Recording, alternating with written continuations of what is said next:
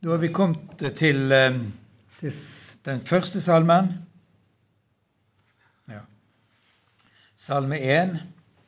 Og den skal vi selvfølgelig lese i sin sammenheng. Nå er det blitt et ord herfra og et ord derfra, så å si gjennom hele Bibelen. Men nå tar vi Salme 1. Så dere må gjerne slå det opp. Og så har vi litt ulike oversettelser, kanskje. Så vi skulle jo hatt den hebraiske teksten. Så vi hadde fått originalen. Men det interessante er jo at det finnes en hebraisk tekst. Og så finnes det jo en gammel som oversatte gresk, det vi kaller septuaginta, fordi det var 70, faktisk 70 menn, som drev på med den oversettelsen. Septuaginta. Og eh, Nå har ikke jeg sjekka denne salmen her i de to versjonene, men det er mange andre deler av, eh, av Det gamle testamentet som ikke er helt nøyaktig likt. Det gjelder både inndeling av bøker, og det gjelder kapitler. og ja, Kapitler er jo en sein sak, da, men altså rekkefølge på ting. F.eks. hos Jeremia, at du ikke finner samme rekkefølge på profetiene. Men la det ligge. Men nå tar vi den norske versjonen som jeg har. Og så, ja. Og det er Bibelselskapet sin oversettelse. Fra 2011, er det vel.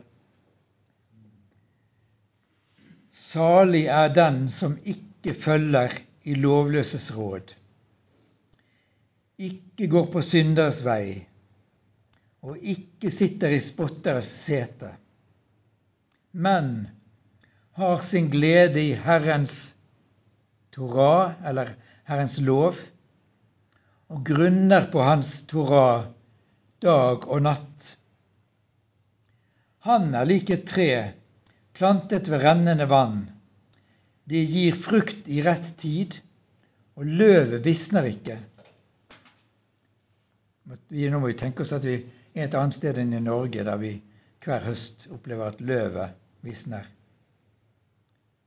Alt han gjør, skal lykkes. Slik er det ikke med de lovløse. De er litt agner som spres for vinden. Derfor kan ingen skyldige bli stående i dommen, ingen syndere i flokken av rettferdige. For Herren kjenner veien de rettferdige går, men de urettferdiges vei fører vill. Det er Salme 1. Så skal vi se på litt detaljer her, da. Der har du iallfall den eh, hebraiske teksten. Nå går an å lære litt hebraisk. Salig, det heter på hebraisk ashre. Lyder det ikke fint? Vet dere hva det heter på Jeg eh, skal komme til det forresten. På gresk, men det, det kommer vi til. Men altså her har vi den teksten jeg har gula ut noen ord. Asre, salig, salig. Så vi kommer til hva det ligger i det. Og så har jeg gula ut Torah. Ki am betora. Salig er den mann som grunner på Herrens lov det ordet som er etter det gule der, eh, Torah, det, står, det står for Javé, Herren. Det er fire, det er fire konsonanter, og så står det da til noen vokaler. Og De vokalene de kommer fra gudsnavnet Adonai. Og Hvis du da tar konsonantene fra Javé og eh, vokalene fra Adonai, så får du Jehova. Men eh, det er veldig usannsynlig at navnet har vært uttalt Adon Jehova. Jave eller Jave. Så um, den som har sin glede i Herrens lov og grunner på Hans lov dag og natt. Og så um, er det dette ordet neste som er gula ute. Mayim. Vann. Ikke om du har det noen, eh, noen navn i Israel? Kommer dere på noe? Men iallfall det er et vanlig, et vanlig ord. Mayim. Og så har du fruktperi. Så nå neste gang dere kommer til Israel og skal snakke, så kan dere si Mayim peri asher og så videre sånn. Oi, snakker jeg på hebraisk. Men der er, der er noe og Så nede i vers 5 så har du dommen, mispatt, og du har det rettferdige, de rettferdige sødakim. Sedek, rettferdighet, osv. Herren, vår rettferdighet, ja, ved keino, vår rettferdighet. Ja, her er sikkert bare mest interessant for meg. Og Det kommer igjen i det siste verset også. Men dette er en alfabetisk salme, som da hjelper en til å huske. Ord for ord, tanke for tanke. Ja, bare et oversiktsbilde. Her har du det som ble nevnt her tidligere. En del bibel- eller nytestamentutgaver hadde også med Salmenes bok, av alle ting fra Det gamle testamentet. Det nye testamentet pluss Salmenes bok. Og det forteller hvor viktig denne boken har vært i den kristne kirke. Til bønn, til lovprisning, til klage, i nød og alt det som vi har hørt, lest. Salme 1. Det må være en grunn til at den er plassert akkurat der. Salig er den som ikke følger i lovløsesråd har eh, disse redaktørene ønsket å si til Israels folk. Vi vet jo hvordan det mange ganger var sånn i Israel at de skeia ut. De forlot Herren, de gjorde mot Herrens vilje, og så kom de under selvpåført forbannelse. Og når de opplevde frukten av det, så ropte de til Herren. Og så så Gud til dem i sin nåde. Og de fikk et godt liv igjen. Og så glemte de Herren og ropte i sin nød til Gud når de kom i ulykke. Så Gud til dem i sin nåde. Der er, der er altså kapitler på kapitler i, i, skriftene, i kongebøkene, som forteller om sånn gikk det med Israels folk når de forlot Herren. De vandret i lovløses råd, gikk på synderes vei. Da gikk det galt. Så nå minner, minner redaktørene, eller de som har fått denne innledningen, Hør, Israel. Hør, Israel. Dette er det gode, men har sin glede i Herrens lov, Herrens lære. Husk det hele tiden. Lær av det som har skjedd i historien. At når dere vender dere bort ifra Gud, så går det galt. Men dere skal få lov å komme tilbake. Det er jo kjempeaktuelt. I vårt land i vår del av verden i dag, der den gamle kristenheten vender seg bort ifra Gud og Guds veiledning, der vi finner ut at vi er så mye klokere enn Guds ord, så forflyttes kristen, kristendommens tyngdepunkt til andre deler i verden. Og kan vi virkelig holde fast på dette? Har sin glede i Herrens lov. Samme hva verden roper. Samme hva som læres av teologi i Kirken. Vi vil holde fast på det som Gud har sagt i sitt ord. Amen, for å sitere en TV-pastor.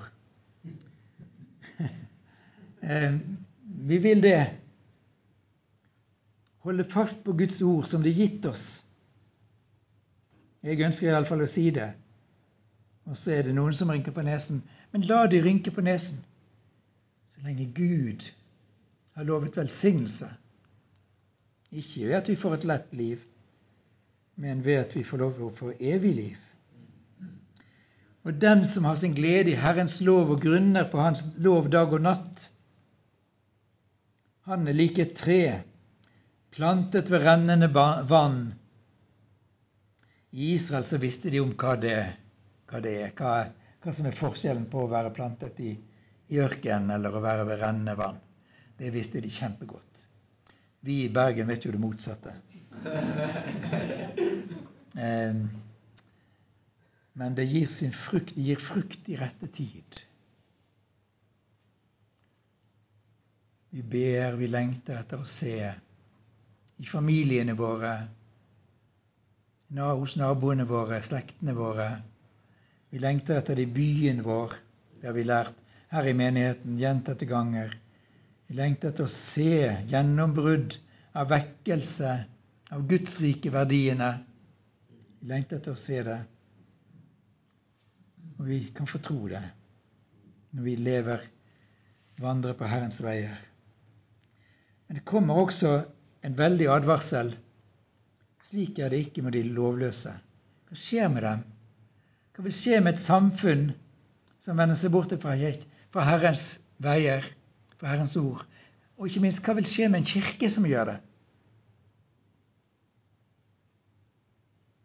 Vi vet fra disse folkekirkene, folkekirken i Norge Det er om å gjøre å ha så åpne dører.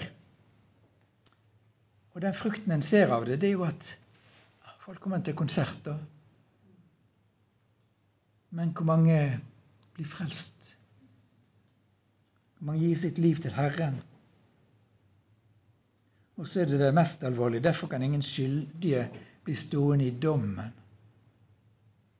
For Guds ord taler om dommen også. Livet vårt og troen vår det har konsekvens. Et veldig alvorlig budskap. Ingen syndere kan bli stående i flokken av rettferdige. Det gjelder, eh, det gjelder nå, men det gjelder jo i evigheten aller mest. Derfor synderes venn kom til verden for å kalle syndere. Og si det er frelse å få han. Han fikk navnet Jeshua, Jesus.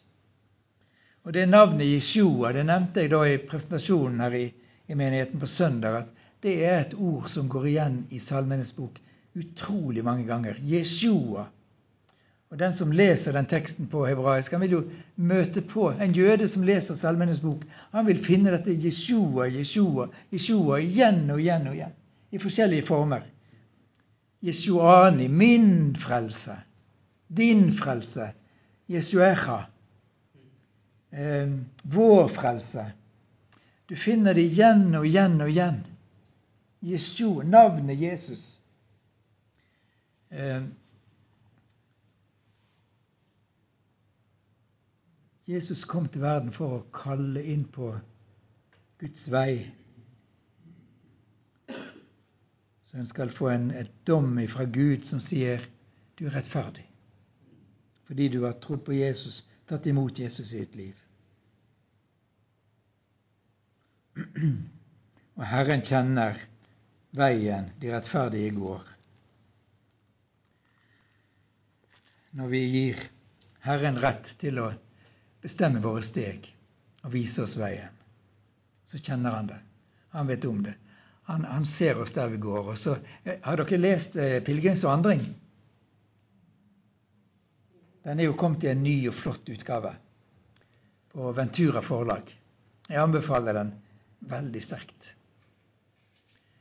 Sant, han eh, pilegrim han blir kalt av Gud. og Kallet er så sterkt at han bryter opp fra alt for han ser at det kommer en dom av den ugudelige verden.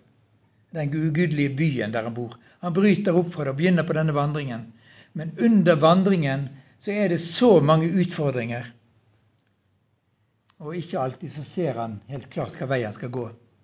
Han blir lurt flere ganger. Og så opplever han at han kommer jo ut i det som ikke var bra. I myr og i, i, og, i i eh, ja, alt mulig, altså. Men så, så er Gud der.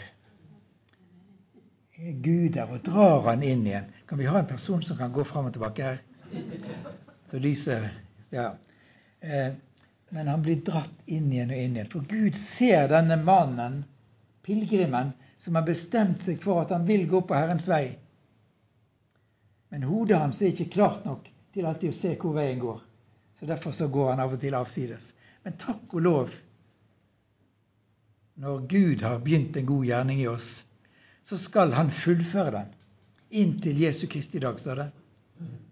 Gud kjenner den veien rettferdige går. Henter oss inn igjen. Les 'Pilegrimsvandring'. Fantastisk bok. I kristenheten er det visstnok den, den eh, nest mest leste boken utenom Bibelen. Så, men altså etter Bibelen. Etter Bibelen. Først er det Bibelen.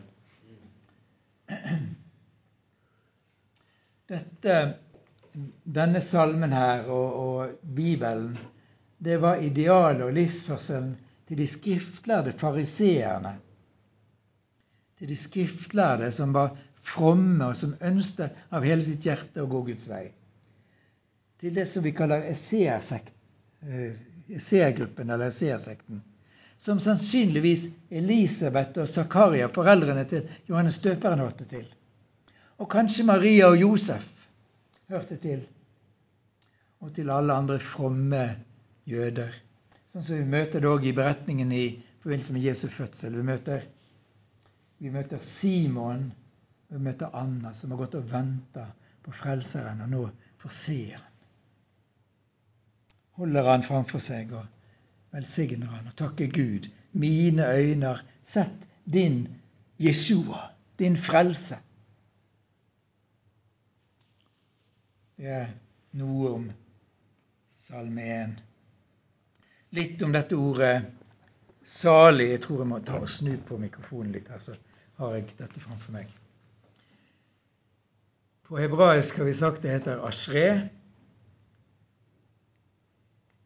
Jeg vet jo at det er mange som er veldig glad i Israel og jødene her og alt sånt. Og det er ikke så dumt å kunne litt. Husker en reise vi hadde til Israel. Da hadde vi skrevet opp masse bibelavsnitt ord fra profeten Jesaja bl.a.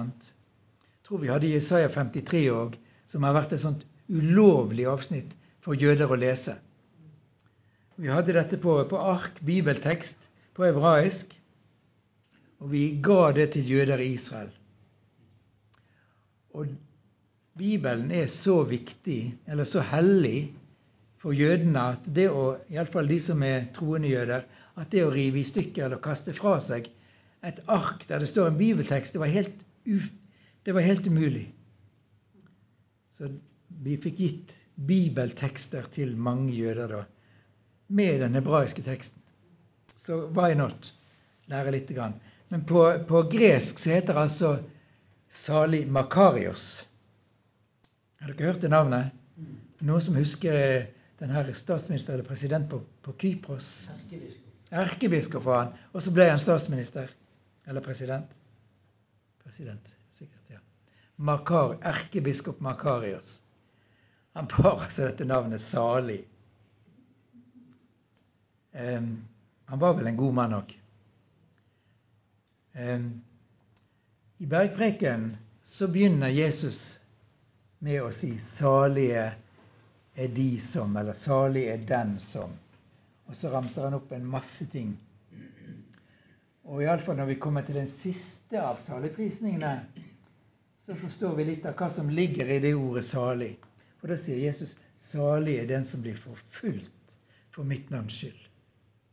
Salig er dere når de lyger på dere og håner dere. Da går ikke salig på å ha det så utrolig Å, jeg er så salig. Som denne lille gutten oppe i Tromsø sa han lå på gulvet og så på mora. Jeg er så salig. Ja, Vi kan jo kjenne det sånn, men, men salig stikker mye dypere. Det er en betegnelse som Gud setter på dem som vandrer på hans veier. Det er, knytt, eh, det er et løfte som er knytta til den en er i Jesus Kristus det en gjør i Hans navn. Det livet vi lever. Det livet som blir til velsignelse for en sjøl, for andre. Det livet som blir til velsignelse for verden. De gode mennesker som bidrar med noe inn i denne verden, inn i nabolag, på jobben. Salig er du. Eller den pastor som står på talerstolen og formidler noe av Guds vesen. Salig fordi han er til velsignelse for menigheten. Salig er de som i tomannssamtaler eller i forbønnstjeneste får lov til å velsigne en annen. Sant? Eh, og det er, de som, eh, det er jo de som står om her, de som grunner på Herrens lov dag og natt. Det skjer noe i ens indre.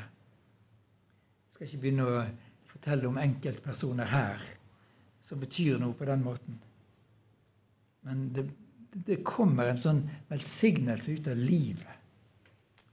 Dere er salige fordi dere lever med Herren og gjør Guds vilje, lever rett og rettferdig,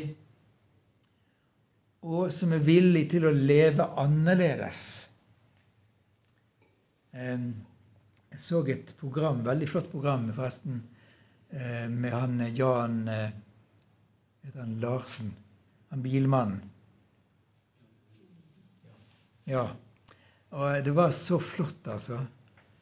Det var det var på Vårt Land TV. Eh, så utrolig nydelig. fordi at eh, han fortalte jo om sin interesse for biler. Eh, men så fortalte han om det Jesus hadde gjort i hans liv. Og det er spesielt kanskje vi menn som er litt opptatt av sånne biler. ikke sant? Jeg hadde en helt ny Volvo som kjørte foran meg på veien nedover her nå. Jeg sitter jo der og beundrer baklysene. men ja, vi er jo litt opptatt av akkurat det der. Og det er ikke, det er ikke galt, men det har blikket et annet sted òg på noe mye høyere. Noe som varer i tid og evighet. Ikke engang en Volvo varer i tid og evighet, selv om de blir kjempegamle. Det er noe som varer for alltid. Leve annerledes. Leve for noe større Jeg har gitt avkall på alt, sier Paulus. Jeg har gitt avkall på alt. Og det var litt av dette med descend også, som jeg sa. Alt for Jesu fot jeg legger. Legge ned sitt liv for Jesus. Ja, det er mye i oss som stritter imot.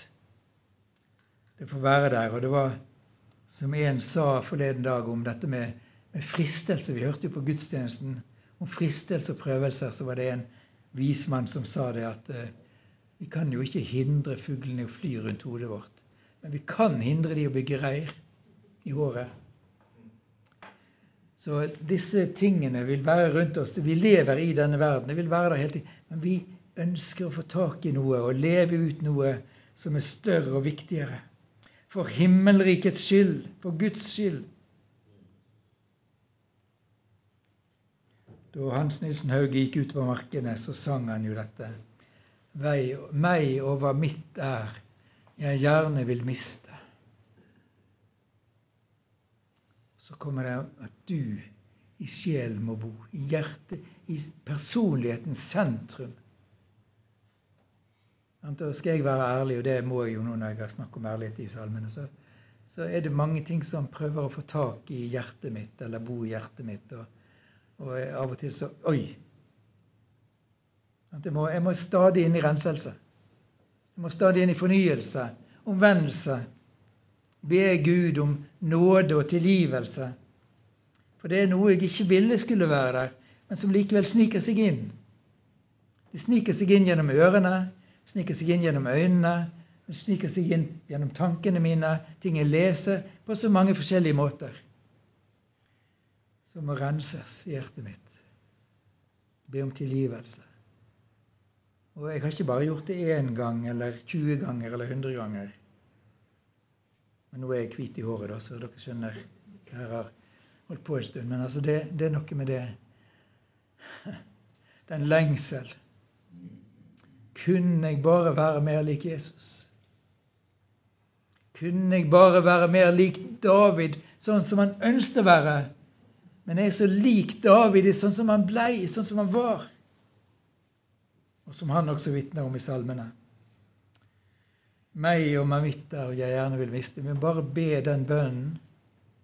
Jesus kan få plass i hjertet mer og mer og mer, og samtidig være ærlige. Ja, nå har jeg holdt på i 24 minutter. Og så sa jeg at, eh, at eh, Salmenes bok kanskje har et mønster etter Mosebøkene, Pentatevken. Penta er fem, sant? Ja, Nå er vi tilbake til Volvo. Volvo Penta. Det er den første delen av eh, som er den første delen av Israels Kjenner dere det ordet Tanak? Du vet det, ja. Eh, som er sammensatt av ta fra Torah, na, som er fra neviim, som betyr skriftene, nei, som betyr salmene, og det siste ketuvim, som det betyr skriftene. Tanak. Eh, og Salme 119 er et veldig uttrykk for så oppsamling av alt dette. For der står det om loven. Der er det vitnesbyrde. Der er det Guds veier. Der er det påbud, bud og lovbud. Der er det forskrifter, rettferdige lover, og det er dine ord. Dine ord og ditt ord som er lyset for vår fot og lykten på vår sti. Det er Herrens lov, Herrens lære, eh, Toraen, som er uttrykt i Tanak.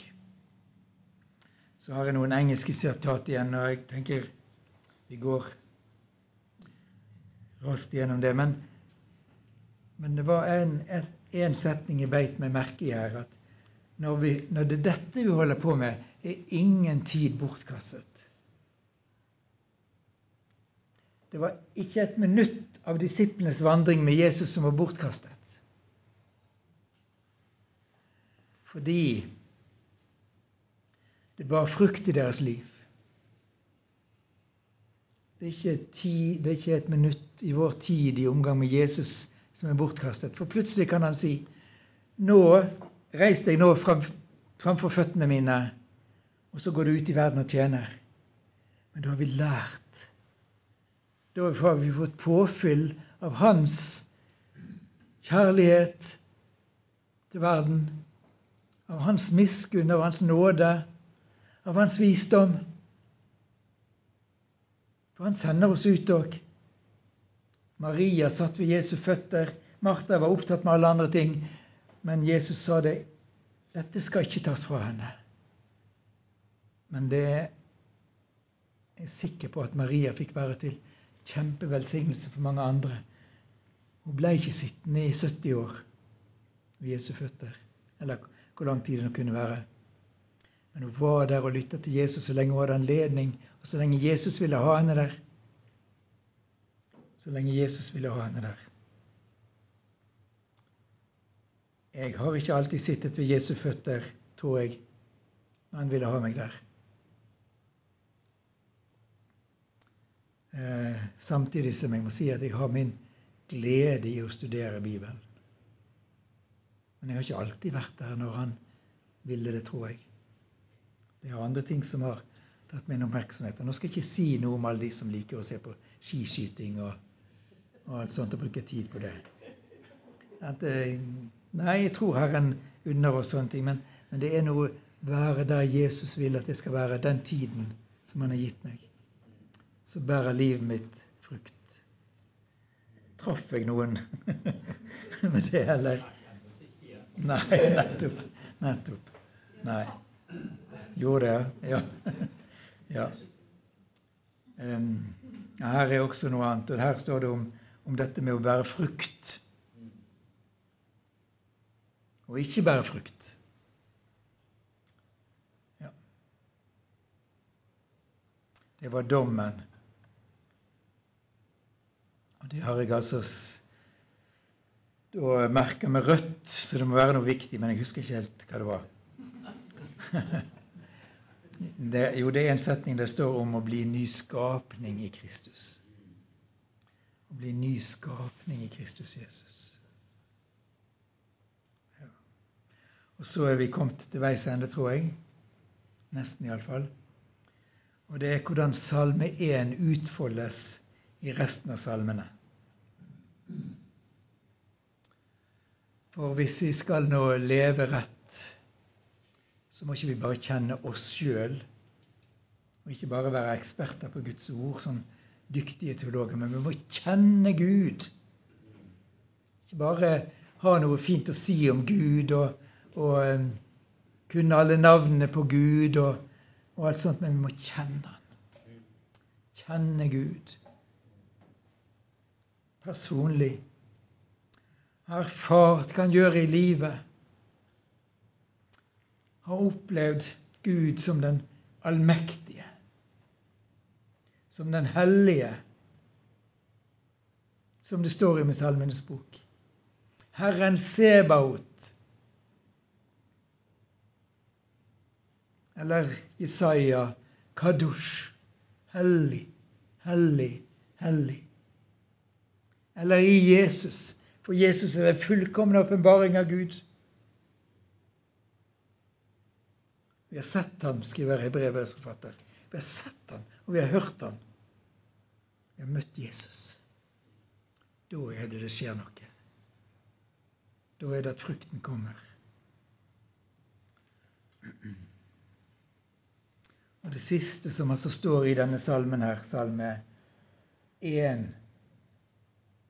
Det står om ingen skyldig kan bli stående i dommen. Og det er så viktig for oss å lese alt. Ikke for at vi skal drive og fordømme og ha det som en slegge, liksom først og fremst. For det er et nådens budskap. Jesus kom med sannhet og nåde. Eller nåde og sannhet. Så vårt budskap er evangelium, først og fremst. Det er det glade budskap med Guds tilbud om frelse og evig liv.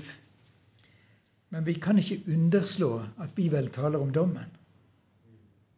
Gjør det. Og selv om det kommer på slutten av salmen, og selv om dommen kommer på slutten av Matteusevangeliet, så er det noe som står i Bibelen. Det er en dom. Og jeg holdt på å si, ja, kanskje jeg skal si det, halleluja. Fordi at Gud må rense bort fra den verden han har skapt, alt som ikke kan tilhøre den i evighet.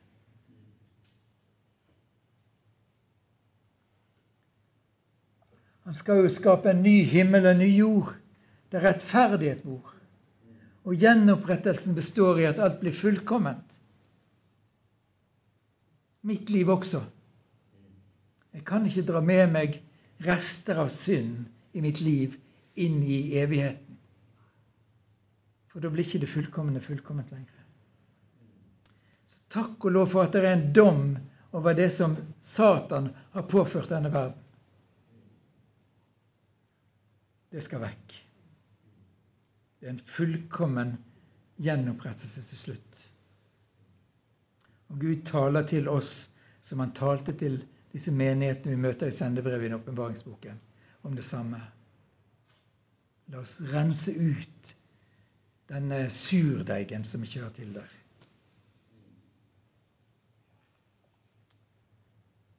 Yes. Da er vi da er vi der, tror jeg. Mm.